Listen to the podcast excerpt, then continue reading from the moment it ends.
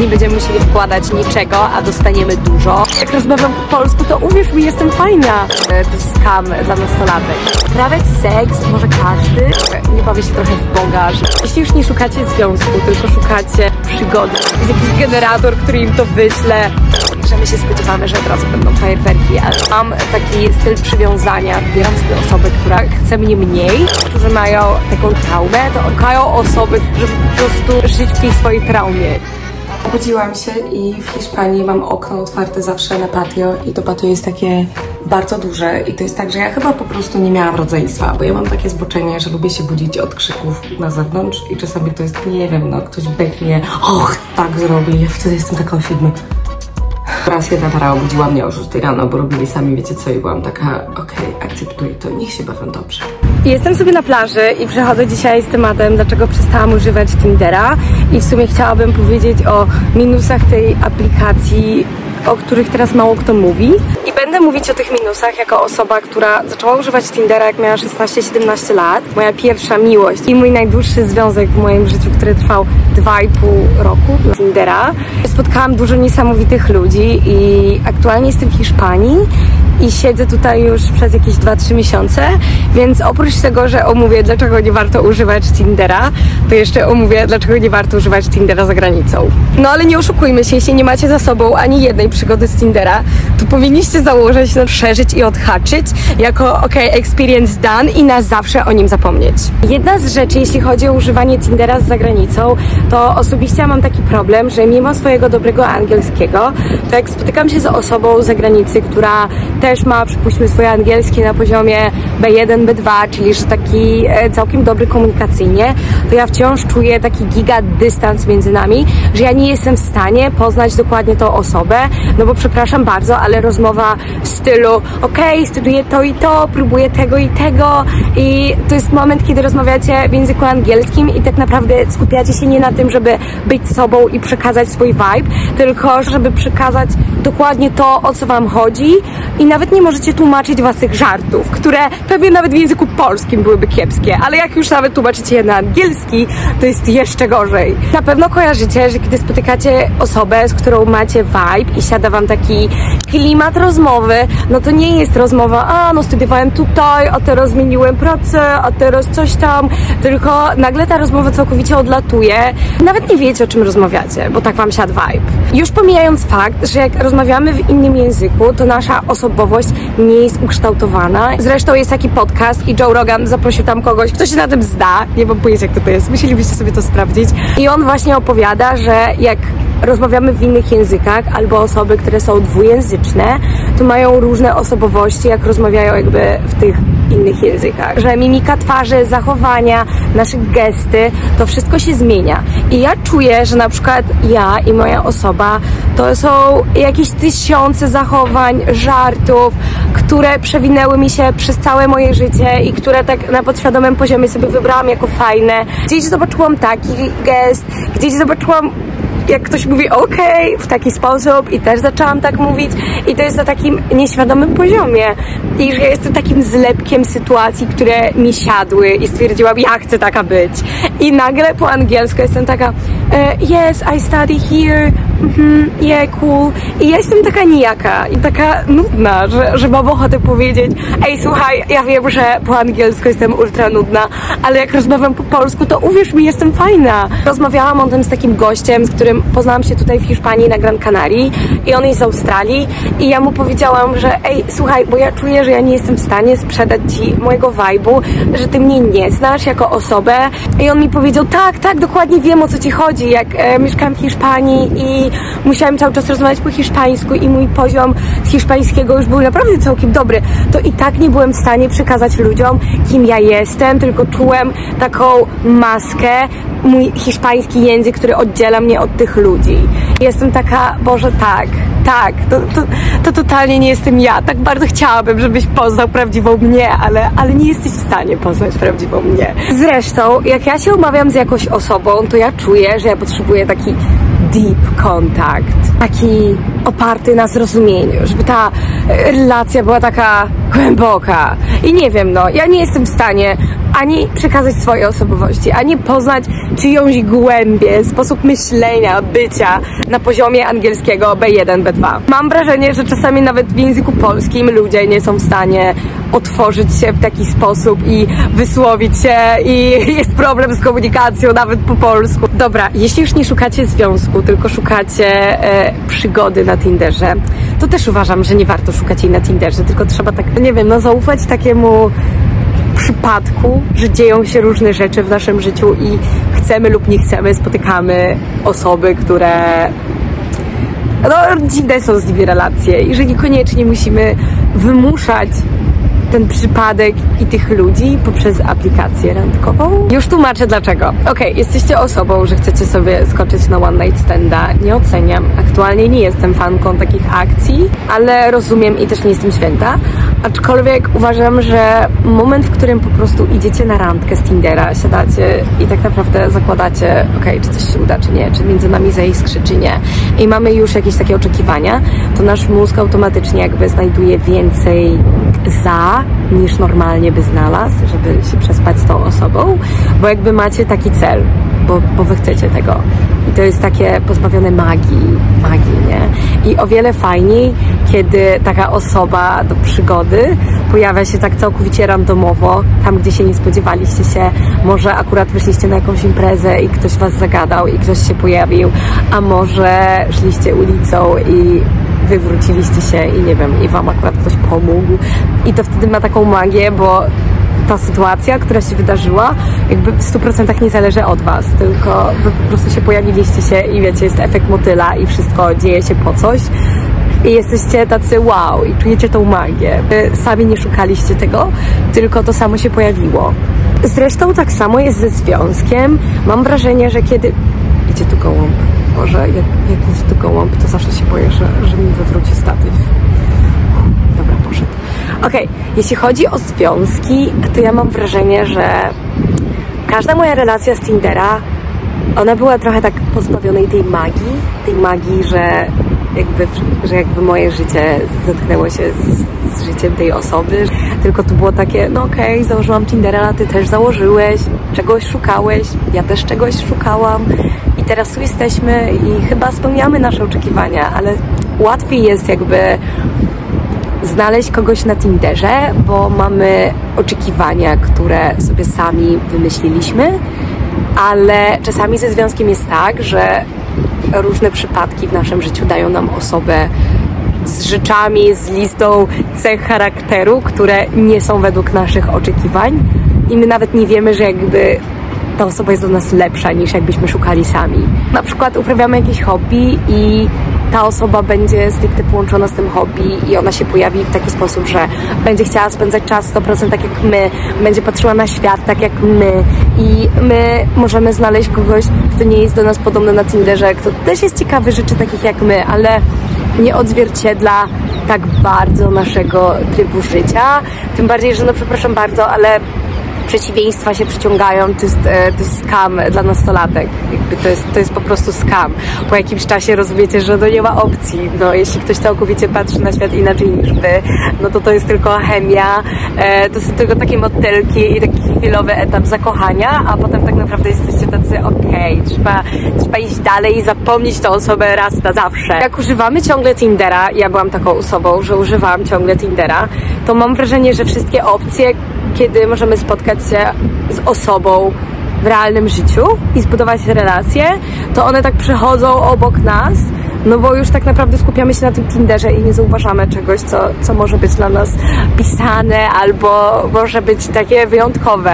A prawda jest taka, że życie działa w taki sposób, że gdybyśmy nie używali Tindera i 2, 3, 4, 5 lat, to i tak byśmy w końcu kogoś spotkali, i tak by w końcu z kimś zaiskrzyło, tylko musielibyśmy zaufać temu algorytmowi świata, ani Tindera, ani aplikacji, tylko jest świat i mam zaufać światowi, że on mi da tą wyjątkową osobę. Teraz jak patrzę na moje poprzednie relacje z Tindera, to ja widzę, że te osoby to są stricte mm, takie osoby, że miałam listę rzeczy, na których mi zależało, żeby mój partner miał.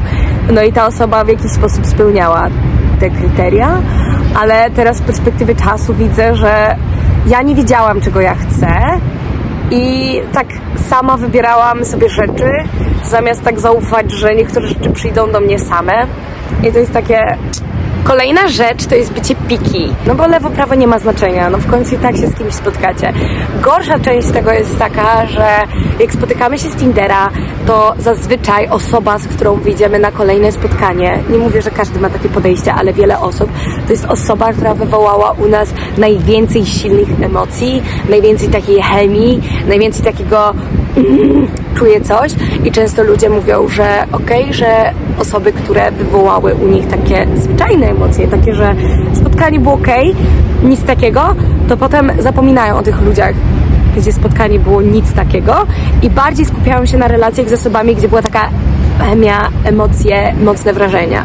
I już pomijając fakt, że mamy teraz badania statystyczne i w psychologii. Ja słuchałam takiego psychologa, który o tym mówił i ja się z tym zgadzam, bo widzę to w moim życiu, że najlepsze i najtrwalsze relacje nie zaczynają się od fajerwerków, tylko zaczynają się od takiego, no było okej, okay, nic specjalnego, po prostu gadaliśmy. Wszystkie osoby, z którymi mam długie i wartościowe relacje, to są relacje, które zaczynały się bez fajerwerków, które były wręcz nudne, które były takie, że po spotkaniu nawet przez dwie minuty nie myślałam o tej osobie, tylko zapominałam.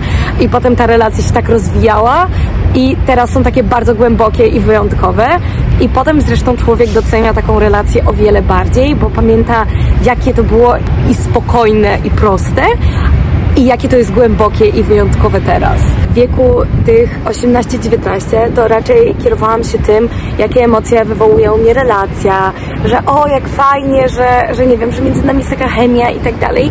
A teraz jak patrzę na to wszystko, to widzę, że jakby głębokie i trwałe relacje trzeba tak budować, że trzeba kurwa wziąć te klocki, tak stawiać je klocek za klockiem. I, ta cała chemia, kiedy spotkamy kogoś po prostu e, gdzieś tam na rance i między nami zaiskrzy, albo nie wiem, no przyśpimy się i będziemy mieć dobry seks, to ma tak mniejszą wartość w porównaniu do tego, jak możemy budować relacje z ludźmi, że sorry, ale uprawiać seks może każdy i robią to wszyscy z łatwością. Nie trzeba być wybitnie zdolnym, żeby uprawiać seks. Nie trzeba być wybitnie zdolnym, żeby znaleźć sobie relację z chemią e, albo jakąś toksik. To każdy to potrafi. Trzeba już się wykazać jakąś taką trochę inteligencją albo trochę takim podejściem dojrzałym, jakimś takim vibe'em, że okej, okay, ja wchodzę w tą relację i chcę ją zbudować i stawiać klocki po klockach i zrobić z tego coś wyjątkowego własnoręcznie, a ludzie spodziewają się, że wszystkie wyjątkowe rzeczy dostaną od razu na pierwszym spotkaniu, że jest jakiś generator, który im to wyśle. Trzymaj wyjątkową relację i ona będzie wyjątkowa i wartościowa tylko przez to, że nie wiem, pobrałeś Tindera i będzie wyjątkowa i wartościowa po jednym, dwóch, trzech spotkaniach, a relacje są wyjątkowe i wartościowe. Mam wrażenie, że po stół, bo macie wtedy wspólną historię. Tinder zabiera taką opcję budowania takiej relacji, że my się spodziewamy, że od razu będą fajerwerki, albo my się spodziewamy, że nie będziemy musieli wkładać niczego, a dostaniemy dużo. Że my jesteśmy tacy, okej, okay, to spotkanie pierwsze, drugie było średnie, było ok, no to koniec, idę szukać dalej. A osoba, która wywoła u nas największą chemię i fajerwerki, nie będzie osobą e, do końca życia. Nie mówię tego ja, bo, bo tak uważam, tylko to jest psychologia. Jakby mówią o tym specjaliści. Jak mamy osobę w naszym życiu i my nie możemy przez nią jeść, spać, że po prostu jesteśmy tacy to oznacza, że ta osoba aktywuje u nas traumę, a nie, że jesteśmy zakochani, bo zakochanie wygląda trochę inaczej. Taki stres i takie o takie, to jest trauma po prostu. I miałam ostatnio sytuację zresztą, e, że poznałam się z chłopakiem, facetem i, i to była relacja, która aktywowała u mnie tak dużą ilość stresu, że ja cały czas byłam taka byłam taka bardzo zestresowana, że mimo, że miałam dużo tych uczuć, ale byłam zestresowana i po prostu po jakimś czasie zrozumiałam, że ta osoba jest emocjonalnie niedostępna, że tak niby chce coś budować, ale nie. I ja przez to że mam taki styl przywiązania, że ja trochę mam takie podejście, że okej, okay, że, że wybieram sobie osobę, która, która chce mnie mniej automatycznie, chce mnie, ale nie w 100% i że ja mam e, taką traumę, że ja będę zdobywać tę osobę albo ja będę się starać i że ja lubię cały ten etap, że jesteśmy w takiej relacji i że cały czas jestem niepewna i, i muszę się zastanawiać nad tym, że to jest jakby moja trauma, ale ludzie zdrowi tak nie robią. Naprawdę trafiłam na część TikToka, na część YouTube'a, gdzie psycholog powiedziała, że zdrowe psychicznie osoby nie wybierają osób, które ich nie chcą.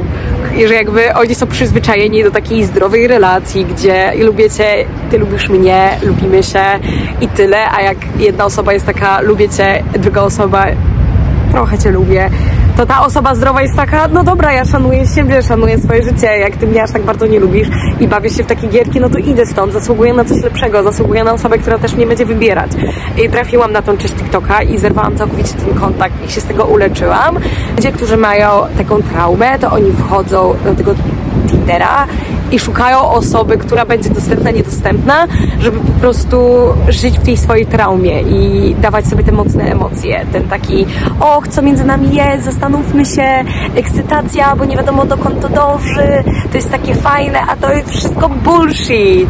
Tak naprawdę powód, dla którego najbardziej nie chcę używać Tindera, że nie bawię się trochę w Boga, żeby pisać sobie scenariusz, jak spotkam swoją miłość i szukanie tego.